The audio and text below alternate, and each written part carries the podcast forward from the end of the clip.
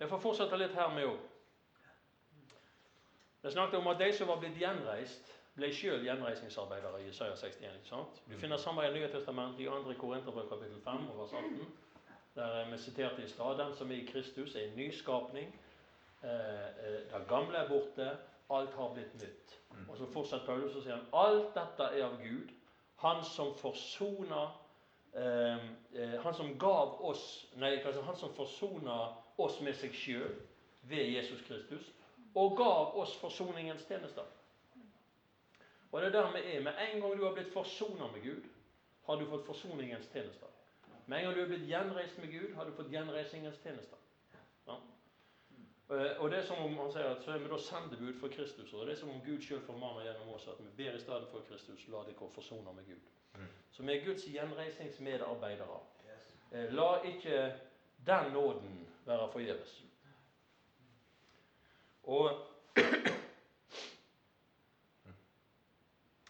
eh, Det, det jeg har lyst til å si litt om, det står også litt i denne boken, er at det her at det å være et gjenreisningsfolk er å være et pilegrimsfolk. Jeg har lyst til å si litt om hva det er å være et pilegrimsfolk. Eh, Tony snakker mye om det her å være på sånn pilgrimage. Sant? Du er på pilegrimsreise. Og Det å være et gjenreisningsfolk er å være et pilegrimsfolk. Det å være et, eh, eh, eller Altså Du kan snakke om å være et gjenreisningsfolk, du kan snakke om å være et pilegrimsfolk, du kan snakke om å være et profetisk folk. Det er alt samme ting som henger sammen. Det er veldig tett sammen òg. Et profetisk folk er et pilegrimsfolk. Et profetisk folk er et gjenreisningsfolk.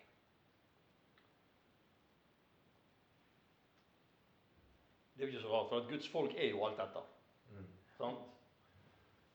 For han har bare et folk. Og Derfor så må vi også gå fram imot det som Gud vil at vi skal være. På alle måter. Et pilegrimsfolk er Det er selvfølgelig unødvendig å si, men, men et pilegrimsfolk er ikke folk som går på reise på pilegrimsreise til Spania.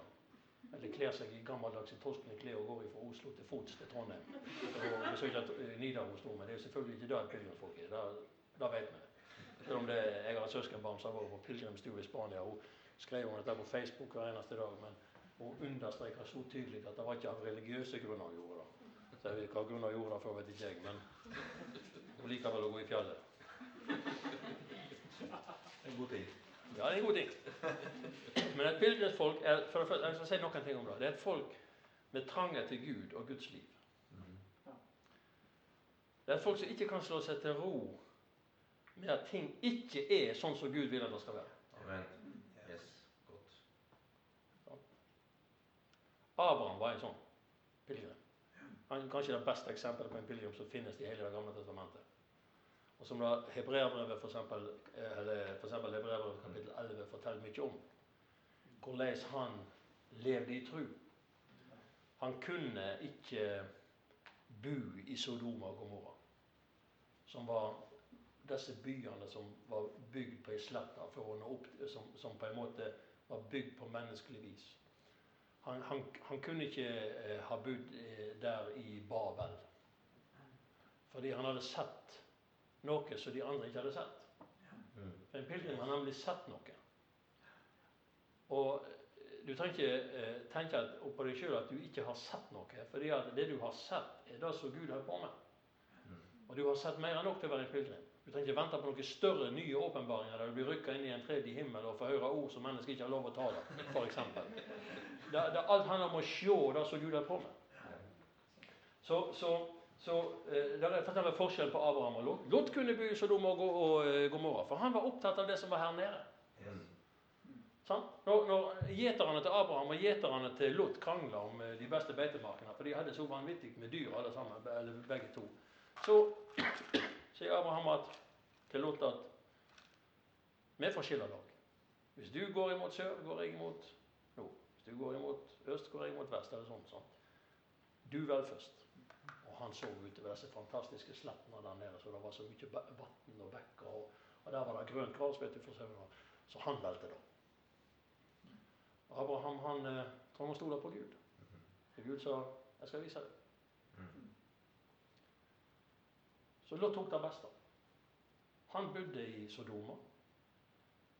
Folket der var eh, eh, eh, ugudelige folk. De levde som homofile. Og, de, eh, og, du, og du ser hvordan når, når Abraham ba for den byen, for Lot sin del Og du ser disse englene som kom og skulle ødelegge byen, kom inn der og traff Lot. Så sa de til ham at du må, du, må liksom, du må komme deg ut herifra, for vi skal ødelegge byen. Å nei, sa han. vet du. Vær, vær her. Vær her til i morgen. Kom inn og få litt mat, og jeg skal få seng og gode greier her og meg, og så venter jeg til i morgen. Han var ikke teoriker. Han var så låst til det her jordiske, til det, til det her greiene her. Ikke, han, han hadde ingen himmelsk visjon. Og så sier disse englene da at det der så kommer da disse homofile mennene kom og dundra på døra vet du, og sa at disse to mennene som kom inn i deg, send de ut oss, vi får ha vår vilje med dem. Hva sier Lot? Å nei, de er gjester hos meg, de må ikke ta dem. Men her er to uh, unge døtre her som jeg har, så ingen mann har, vært borti. De kan jeg få. Hva tenker du for en fyr?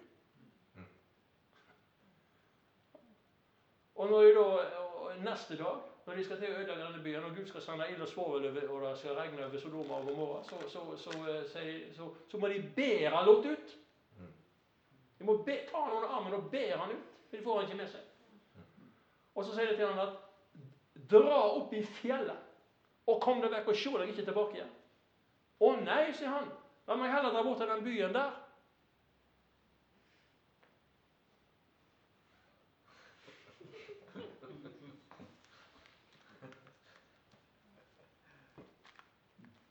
Abraham han hadde forlatt sitt jordiske greie. Det hadde jo Lot òg, for Lot var med Abraham når han forlot Uri Kaldea. Men Abraham hadde forlatt det i hjertet. Lot hadde bare forlatt det rent sånn praktisk. Ytre sett. Men Abraham hadde en indre visjon. Han hadde sett noe som vi ikke helt vet hva han hadde sett. Men Det nye testamentet forteller oss at Abraham han, han, han kunne ikke bo i en sånn by. Han bodde i det står at han bodde i telt sammen med Isak og Jakob eh, eh, fordi han hadde sett byen med de faste grunnvoller, den som var Gud til opphavsmann og skaper. Han hadde sett menigheten. Han hadde sett den nye Jerusalem. Han hadde sett altså Johannes beskrive på slutten av Johannes' åpenbaring. Da hadde han sett. Han hadde sett livets tre som sto planta fritt til begge sider. Det løv ikke visna på, som bar sin frukt tolv måneder i året. Han hadde sett livets elv som rann under dørstokken ifra Herrens hus. Alt dette her hadde han sett. Han hadde sett Jesus, han hadde sett Jesus sin dag. Jesus sa 'Abraham så min dag', og han gledde seg. Så han fant ut at hvis han kunne sitte i teltet sitt Han var happy med å sitte i teltdøra han og se opp i trekroner på eh, her trærne i eh, Eikelunden i Mamre. Men det var fordi han hadde sett noe som gjorde at han kunne ikke bo i en menneskelig etterligning. Han måtte leve der visjonen var frisk, og der himmelen var klar over. Skjønner du? Så det er stor forskjell på Abraham og Lot. Abraham var en pilegrim. Lot var en kjødelig person. Knytta bare til det som er her nede. Han hadde ikke blikket sitt festa på det som er der oppe, der Kristus het, ved Faderens høyre hånd, men til det som var her nede. Han hadde ingen evne til å se inn i det usynlige og forestille seg at her var noe som Gud holdt på med, som på en måte skulle bære frukt på sikt. Han hadde ikke noe å glede seg til. Han bare var fanga i det som var her. Kain og Abel, samme greie. Foreldrene hadde synda. Jorda var blitt forbanna pga. Av, av, av, av synd. Adam og Eva valgte feil. Gjorde opprør mot Gud. Øynene deres ble åpna, så de kunne ikke forskjell på rett og galt. Eh, eh, de lot seg lure av, av fiendens falske knep. Og så fikk de først disse to sønner, Kain og Abel. Og Kain han valgte å dyrke den jorda som var forbanna. Han valgte å gå inn i det strevet som var med, med svett i ansiktet, måtte prøve å dyrke opp dette her som stadig blir overgrodd av torner, tistler og ugras alle veier. Mens Abel hadde et annet hjerte. Han tenkte sannsynligvis med seg. Det, er ingen som kan vite hva han tenkte. for det det er ikke det er ikke ett ord i Bibelen referert til noe som han sa. Men hebreerbrevet forteller oss at i tru bar Abel fram et bedre offer enn Kain, og at eh, livet hans taler enda lenge etter hans død. Fordi livet hans taler, om ikke ordet hans taler. Og hva gjorde han? Må koble inn fantasien, for ikke Bibelen forteller så må vi koble inn fantasien. Men han blir av Jesus kalt en profet. Fordi Jesus sa at eh, over denne ett skal alt profetblodet komme som har rundet helt ifra den rettferdige Abel og til Zakaria som lot livet mellom forhaler og tempelet. Så Jesus kaller han for en profet. Så han var en profetisk mann, han var en visjonær mann, han var en pilegrim. Så tenkte vi seg sannsynligvis at eh, skal jeg gå her og streve på ei jord som er forbanna med svette i ansiktet? Finnes det ikke noe bedre? Finnes det ikke noe nytt? Finnes det ikke et framtidshåp? Sannsynligvis så tenkte han på Adam og Eva hadde, hva de hadde fortalt om den dagen de synda. Og de hadde begynt å tildekke sin egen synd med, med, med, eller begynt å dekke til seg sjøl med, med, blad av sånne her eh, fikenblad og forskjellige ting for å dekke seg sjøl. Og så hadde de sikkert kanskje også fortalt om at Gud ikke aksepterte eh, deres måte å dekke til seg sjøl på, men at Gud slakta dyr og lot blod renne og kledde dem i skinn. Og så kobla han noe opp i hodet på han og han tenkte jeg vil gå den veien som er en bedre vei. Jeg vil ikke akseptere å leve i denne her elendigheten her. Jeg vil søke noe som er bedre. Jeg vil søke, om jeg bruker bibelsk språk, jeg vil søke et nytt fedreland. Jeg vil søke et nytt rike. Jeg vil søke en ny måte å gjøre ting på. Jeg vil søke det som har, det har framtida i seg. Han var, han var, profetisk i livet sitt. Han, han, han, gjorde det han kunne. Det lille han så, da, levde han ut i forventning til at dette her, som var kommet som en forbannelse for de alle, ikke skulle være det endelige og det evigvarende. Husk på da at eh, det var to tre i hagen. Det var livets tre, og så var det treet til kunnskap om godt og vondt. Og De kunne ete av alle tre, inkludert livets tre. Men av en eller annen grunn så åt de ikke av livets tre. Men de åt av kunnskapens tre. Gud ville de skulle ete av livets tre og leve evig. Men de åt ikke av det treet. Men den dagen de åt av livets tre, da stengte Gud veien til livets tre. Og på den måten så gjorde han det klart at eh, skal, denne situasjonen som menneskene har kommet i, skal ikke være evigvarende. Vi skal ikke leve evig i denne situasjonen. Så han stengte den veien. Fordi om med en gang så la han grunnlaget for noe nytt. Ei frelser som skulle fri dem ut av hele elendigheten og inn i det som Gud har for dem. Et, et pilegrimsfolk det er et folk med visjon, altså. Det er et folk som er fanga av Guds hensikt.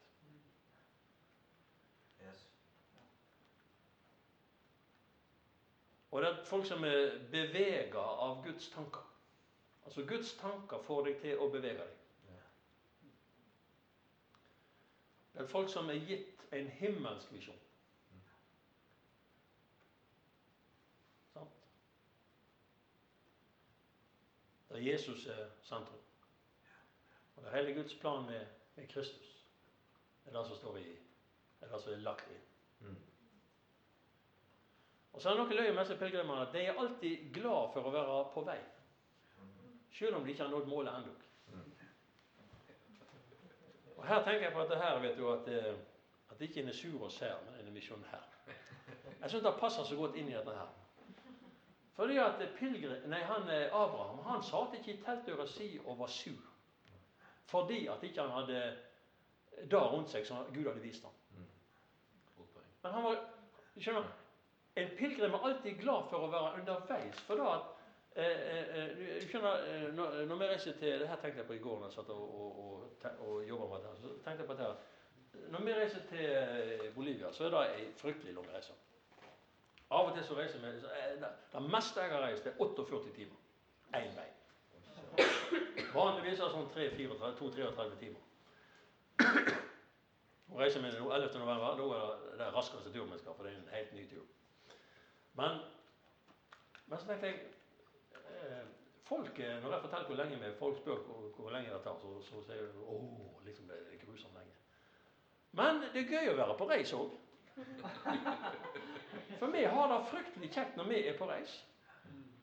Alle de flyplassene vi sitter og venter i to-tre timer på, vi har det fryktelig gøy. I Amsterdam der har de gjerne til piano på flyplassen. Og vi synger, og vi ber, og vi øver på drama. Og vi, vi, av og til så får vi sånne lange stopp. Sånn som sist vi så var vi brukte en hel dag i eh, Lima i Peru. Og, og en gang så var vi brukte flere timer i Sao Paulo i Brasil. Og du, vi går ut og er. Vi, vi, har, det, kjekt. Vi, vi underholder hverandre. Mm. Fordi For at vi er så mange som er på tur i lag. Og vi gleder oss i sammen. Vi tenker på hva vi skal få oppleve. Når vi reiser hjem, så, så tenker vi alt vi har opplevd. Vi tenker på hvor godt det skal Altså, Vi, vi eier noe sammen mens vi er på tur. Vi har noe i lag mens vi er på vei.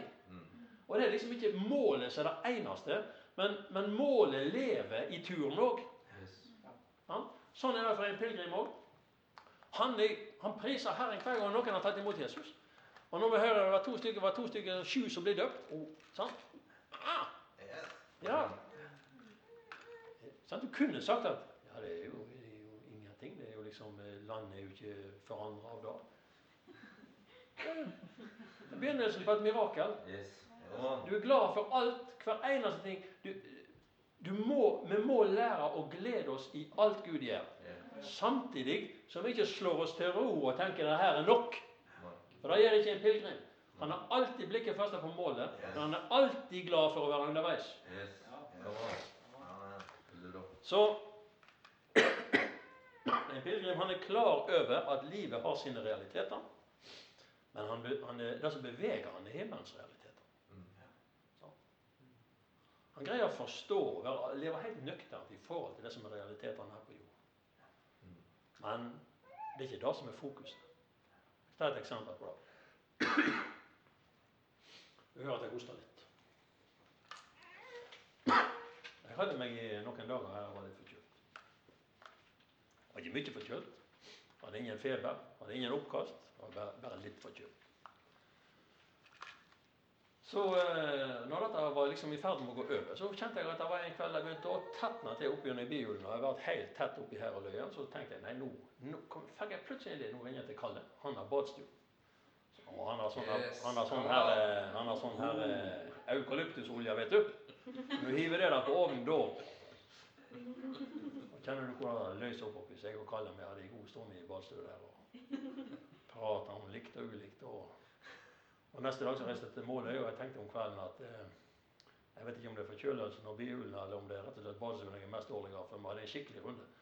Men neste morgen så våkna jeg og var mye bedre. Men så ser du at jeg hoster litt ennå. Jeg er helt fri for kjølelsen. har ingenting igjen da. Men jeg klør litt i halsen og hoster litt. Det, det, det, det, er en sånn filleting. Det er ingenting å klage over. Jeg håper du hører at jeg klager, for jeg klager ikke. Jeg har ikke vært eh, sjuk på så lenge jeg kan huske det. En gang jeg bodde på Sandsli. Iallfall 10-12 år siden. Jeg har ikke hatt feber på 12 år. Men denne gangen så ble jeg litt, litt forkjølt. Bare litt. Det er sånne ting du på en måte Jeg vet, og jeg tror, at Gud har gitt meg full legedom, så jeg kan leve i helse. Mm. Jeg tror det. Men jeg blir ikke forvirra og begynner å lure på om ikke Bibelen stemmer fordi om en liten forkjølelse eller en annen sykdom oppleves Det er en del av realitetene å være her. Men du mister ikke visjonen for det. Fordi du vet at det skal komme en dag når sykdom ikke skal finnes mer. Og død skal ikke finnes mer. Og alle disse tingene her, Det er på en måte derfor vi ber for de syke. Det er derfor vi lever i det her. For vi vil helst ha opplevelsen av det som kommer nå. Det er sånn at profetisk pilegrimsfolk er. Sånn? Jeg vil ikke være syk. Jeg har bestemt meg for at jeg ikke skal være syk. Men jeg blir ikke skuffa og nedbrutt og ødelagt for fordi vi skulle bli syk. Det er stor forskjell på det. Mm. Ja, det var Ei som gikk på bibelskolen i fjor. Hun var ikke vekke én dag. Hele skoleåret gjennom. Ikke én dag. Frisk hele tiden. Og så var hun med til Bolivia. Og så plutselig så ble hun så sylta forkjølt. Så sa jeg ja, merkelig du, Karina, skulle bli så forkjølt. Du har jo ikke, du har ikke vært syk i hele år. Du har jo ikke vært en dag vekke. Du, du er jo alltid frisk. Og så det er ikke alltid sånn, sa hun. Jeg har alltid i alle år vært mye vekke på skolen fordi jeg har vært veldig mye syk. Men hun sa jeg bestemte meg i begynnelsen på året når du sa det. Jeg hadde glemt at jeg hadde sagt det, men hun sa «Eh, jeg hadde sagt at du kan bestemme deg for ikke å bli syk. Hun sa jeg bestemte meg for at jeg ikke skal bli syk. Jeg jeg har ikke vært syk en dag. Ny erfaring. I år har vi en på bibelskolen som har eh, ikke kunnet fullført noe år på skolen pga. sykdom. Jeg fortalte deg eksempelet om Karina. Jeg fortalte deg andre dagen på bibelskolen i år. Han har, han, han har vært så utrolig mye vekk fra skolen. Han har vært så mye vekk at han har ikke fått fullført skikkelig noe ting før. Han kom til meg i friminuttet og sa det her har jeg aldri tenkt på før. At jeg an å bare bestemme seg for at jeg skal leve i Guds løfter. Og jeg skal leve i deg, og om jeg er dårlig i dag, så skal det ikke stoppe meg. Jeg skal søke inn der forbundet å få, der hjelp er å finne. Og om jeg, er, og han sier det, om jeg ligger hjemme og er syk, eller jeg er på skolen er syk, det er akkurat like ille, så jeg skal velge å gå på skolen. Han bestemte seg for det. Vet du hva? Nå er vi litt ute i oktober. Han har ikke vært vekke én dag. Endog. Men han har vært mange dager på skolen han har vært dårlig. Mm. Men én dag så veiv han med hånda i klassen. På slutten av min time. Jeg var litt på overtid òg. Mm. Så fikk han ordet, så sa han For da hadde jeg vært inne på dette her at eh, Gud har gitt oss. Det er, ikke, det er ikke alt vi trenger å be om, for det er noe Gud har gitt oss. Ja. Og så sånn. Eh, I dag har jeg hatt en dårlig dag sånn. Jeg har hatt problemer i magen i, i hele dag. Og jeg pleier å ha det sånn, sier han, at når jeg har en god dag, så takker jeg Gud for at jeg har en god dag. Og når jeg har en, gå- eh, når jeg har en dårlig dag, så takker jeg Gud for det han skal gjøre. Men nå når du sa det her i stad, sa han, om at Gud har gjort, så sa jeg til Gud takk for det du har gjort. I det jeg tenkte det sånn, så forsvant det. Du skjønner? Vi er på jakt etter det perfekte. Vi tror alle Guds løfter. for alt Gud har lovt oss, har i Jesus blitt ja. Ja. Vi tror det.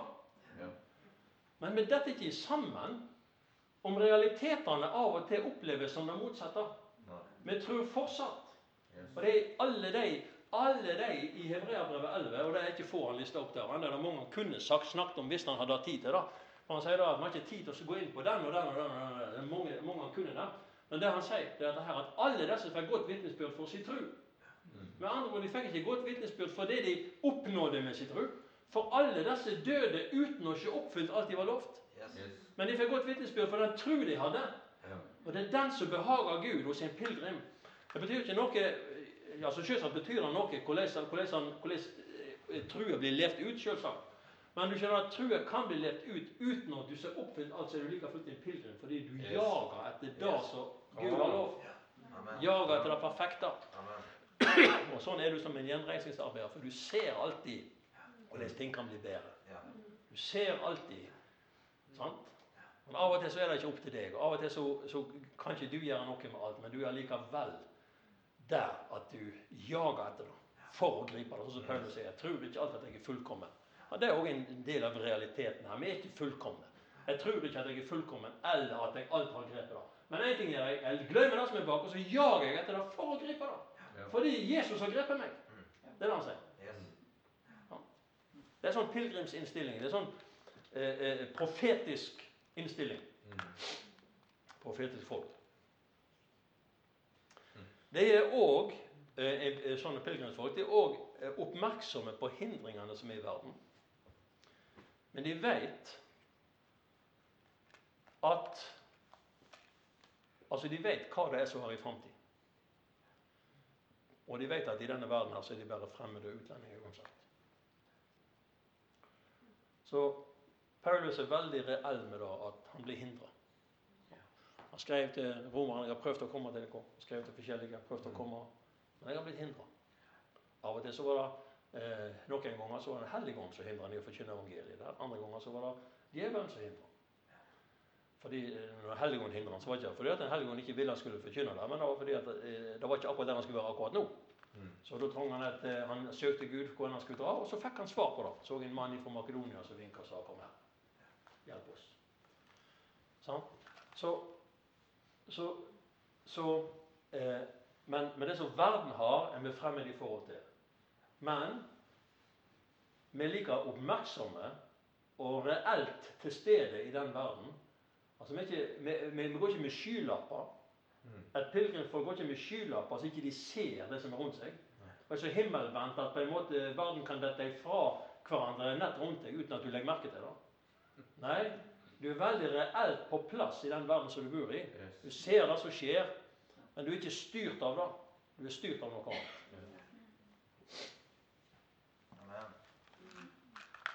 Pilegrim han ser alt imot den bakgrunnen som heter åpenbaringen av Kristus. De vet at reise har sin pris, men de tror at de kan betale prisen. Og de er villige til å betale prisen. De slår seg alltid ned av himmelen er åpen og visjonen er klar. De trives ikke der det er skodda. Det er sant. Amen. Hva vil det si?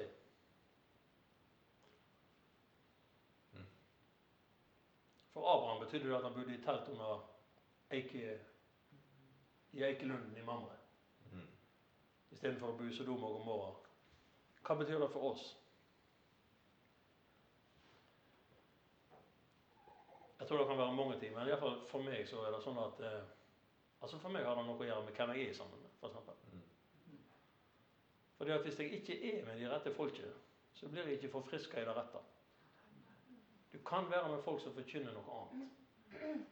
Og, og, og jeg, jeg merker at det skal, ikke, det skal ikke lenge til heller før, før, før ting gjør meg urolig, og jeg, og jeg begynner å lure på ting og begynner å grunne på ting og begynner å tenke. Eh, og jeg må arbeide litt. Jeg må, jeg må, da, jeg må, da må jeg lese de rette plassene, og jeg må, jeg må inn og så sjekke hvordan dette her har seg. Og så Nei, kommer jeg til. Nei. Vi er kanskje av og til litt lettere på virkeligheten enn vi egentlig ønsker å være.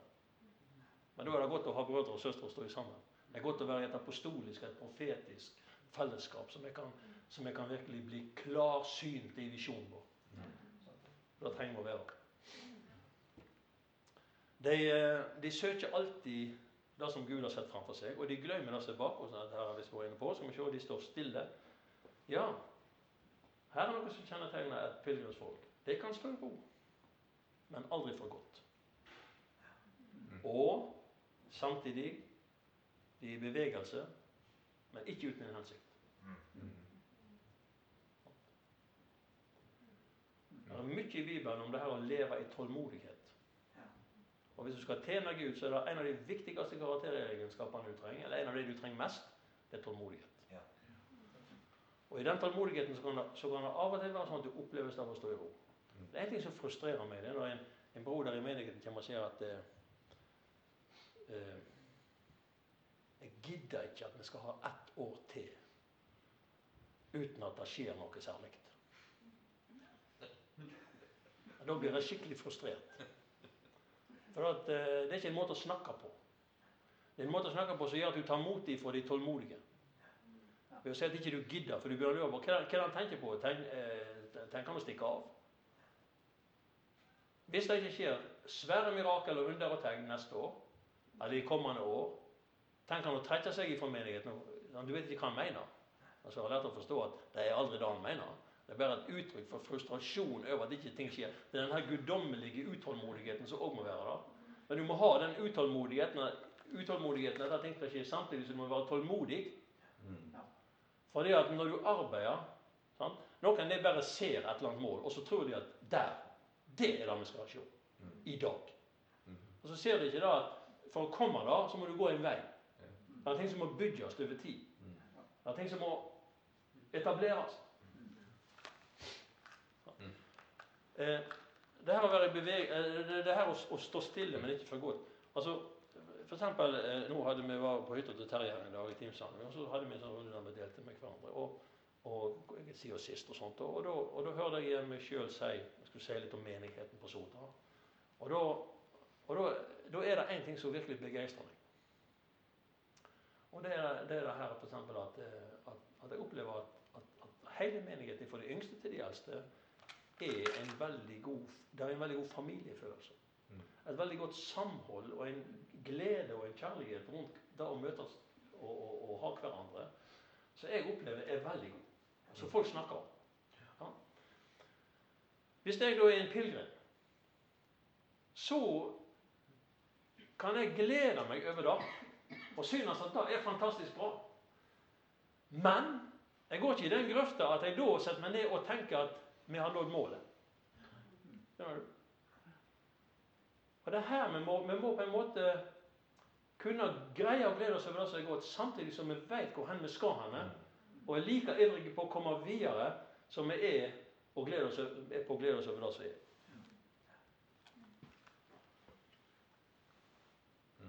Pilegrimsfolk er ikke sure på alt som Gud er imot, fordi de vet at det som Gud er imot, har ikke noe framtid uansett. Så de gidder ikke fokusere på det. For det er bare det Gud er for, som har i framtid. Yes. Come on! De er Guds rike fokusert. De ser ting fra Guds perspektiv og tror at før eller senere så må alt tjene Guds hensikt uansett. Og det står faktisk i Bibelen. Det står at alle ting må til sist tjene din plan. Ja. Gud. Sjøl det som er vondt, sjøl det som er negativt, må til slutt tjene Guds plan og hensikt. Fantastisk.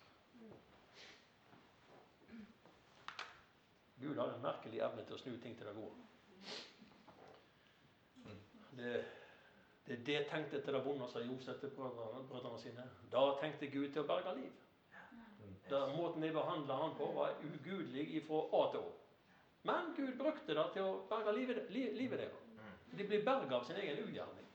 Det, det, det er helt utrolig. Men sånn kan det gå når Gud har én person som ikke bærer på hat og på hevn, men som er ydmyk innenfor Gud og veit at drømmen Gud ga han om at sola, månen og stjerner skulle bøye seg for han, og at alle andre sine kornbarn skulle bøye seg for hans kornbarn, det slår til hvis jeg bare tar treningen på Guds måte og blir sånn som Gud vil. Mm. La meg forme denne og bli moden. Ydmykhet er en eh, dyd, altså. Amen. I apostelgjerningene 3, 19-25, der, der står det noe om det her med, med gjenreising som jeg har lyst til at vi skal lese. Eh, Hvor mye tid har vi nå, forresten? Er tida ute? Hvor er halv ti? Altså, det er Det spørs hvor du er på veien. Jeg kan gjemme meg når som helst. Jeg Jeg har, jeg har litt, litt igjen bare. Ja. Gjør rundt ferdig der du er. Klar ti minutter. Absolutt. Klare ti minutter? Ja. Ok. Apostelgjerningene 3, 19-25. Det er jo dette her eh, som for oss i vår sammenheng har vært et veldig viktig vers. Iallfall når jeg husker når jeg kom inn i menigheten og i- på slutten av 80-tallet, så, så var dette her et veldig eh, et viktig sånn gjenreisningsvers. da. Mm. Det sto litt an annerledes i engelske bibler, husker jeg. Sånn at eh, en, en, en tolker det litt annerledes, eller vi kanskje gjør her nå. Jeg skal ta det sånn som det står her. Eh, det, det er jo han her eh, Peter da, som forkynner, ikke sant? Og så sier han da at eh, Angra derfor og vend om, så syndene deres kan strykes ut. Da skal det komme tider med lindring fra Herren. Det er gjenreising. Med lindring fra Herren. og Han skal sende den Messias som er bestemt for dere, Jesus. Han må være i himmelen til den tid kommer da alt det skal gjenreises som Gud har talt om fra eldgamle dager ved munn til sine hellige profeter. Moses har sagt, Herren Gud skal reise opp en profet som meg mellom dere, en av deres egne brødre. Han skal det høre på i alt det han sier. Hver og en som ikke hører på den profeten, skal ryddes ut for folket. Ja, alle profetene som har talt helt fra Samuel, har forkynt det som hender i disse dager. Det er barn av profetene, og for dere gjelder den pakta som Gud gjorde med fedrene deres da han sa til Abraham i de ett skal alle slekter på jorda velsignes. Det var for dykk at Gud først let tjeneren sin stå fram, og han sendte han for å velsigne dere når hver og en vender om for vondskapen sin. Så du ser at omvendelse til Gud løser ut tider med lindring og trøst. Det løser, det forløser gjenreising. Gjenreisingen er alltid i gang. Den har vært i gang lenge. Men jo flere som vender om til Gud, jo flere, jo, jo, jo, fortere går prosessen. Vi har bre ut Guds rike, selvsagt, og gjenreise alle ting.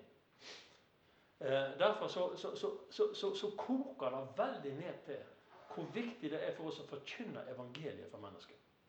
Mm.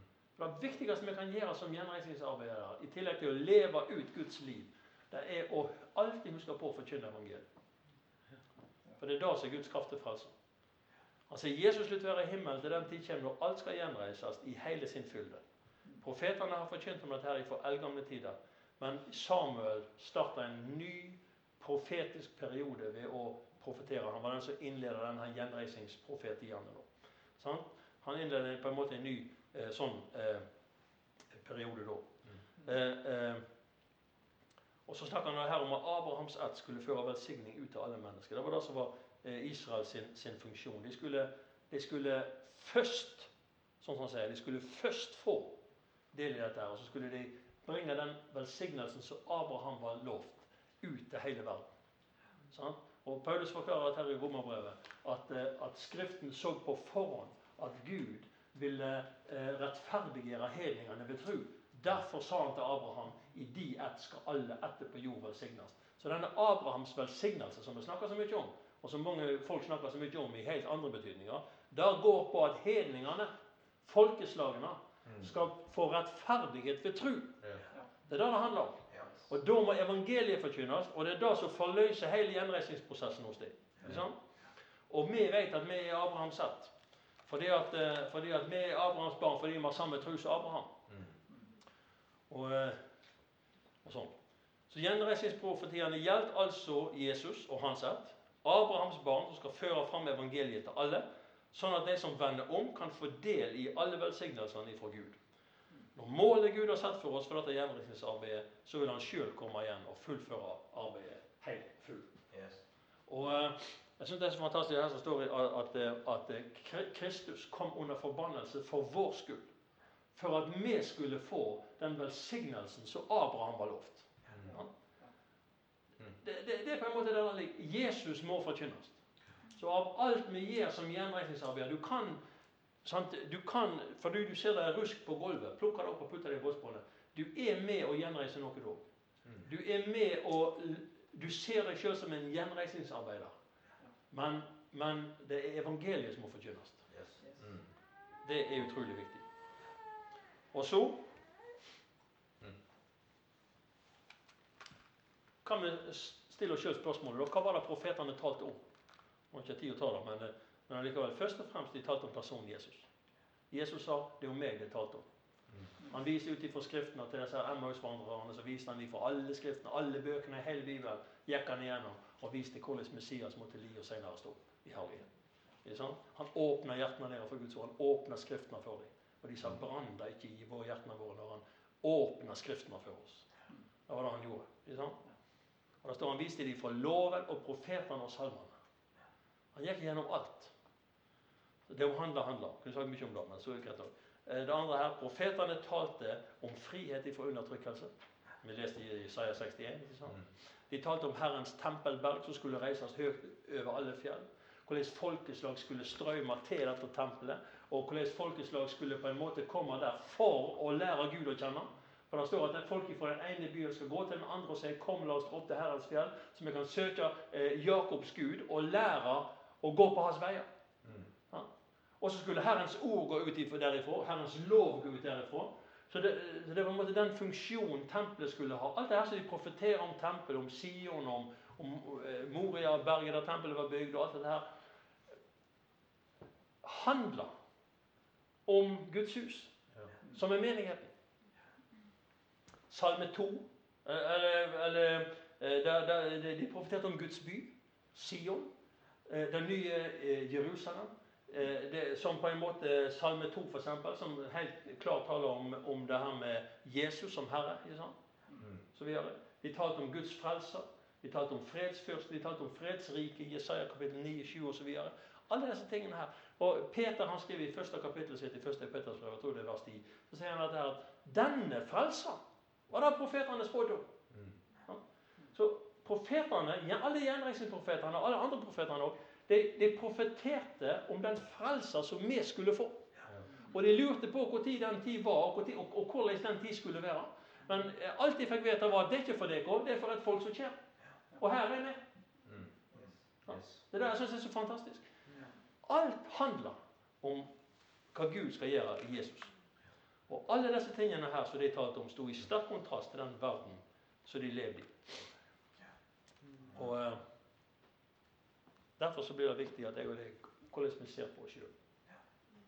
Og nå er liksom tida vår gått, men eh, avslutter med det. Hvordan ser vi på oss sjøl? Ser vi på oss sjøl som en gjenreisningsarbeider? Det håper jeg. Fordi at eh, Det betyr at du alltid tenker Når jeg går inn her, og jeg går ut igjen, så er det noe som er blitt bedre Mm. i løpet av den tida jeg var. Når jeg snakker med et menneske, så er det mennesket mer oppløfta når jeg går, enn når jeg går. Fordi at jeg talte ord som er mine ord, som kunne styrke den trøtte. I fellesskapet sånn. Du tenker jeg har mine nådegaver. De er her for å tjene alle de andre, for vi skal tjene hverandre hver med den nådegaven Gud har gitt oss. Men jeg er her for å bygge de andre opp. Det er den oppbyggelsens tjenester som jeg har fått del i. Mm. Du møter de ufrelste, men du etterlater deg et vitnesbyrd om Jesus eller en forkynnelse av evangeliet. Du møter en sjuk. Du vet han. Enda så ser du på en sjuk, så ser du enda kan vi ikke se at alt er lagt under hans føtter. Altså Jesus sine føtter. Fordi han er sjuk. Men du tenker i løpet av den stunden jeg er her, så skal vi se det. Ja. Fordi at alt er under hans føtter. Så legger du hendene på ham i Jesu navn og erklærer ham frisk. Så Så er det noe som har skjedd. Og om han ikke blir frisk, så har han blitt berørt av Gud. Mm. Og det er noe som er sådd i han, det er noe som er begynt i han, som har kraft i seg til å gjenreise hele mennesket. Fordi du var der som en gjenreisningsarbeider og la igjen noe. Et såkorn. Det var ikke så stort, det var ikke så mye, men det var viktig nok fordi det har spirekraft i seg til å forandre alt. Amen. Det er sånn vi må tenke.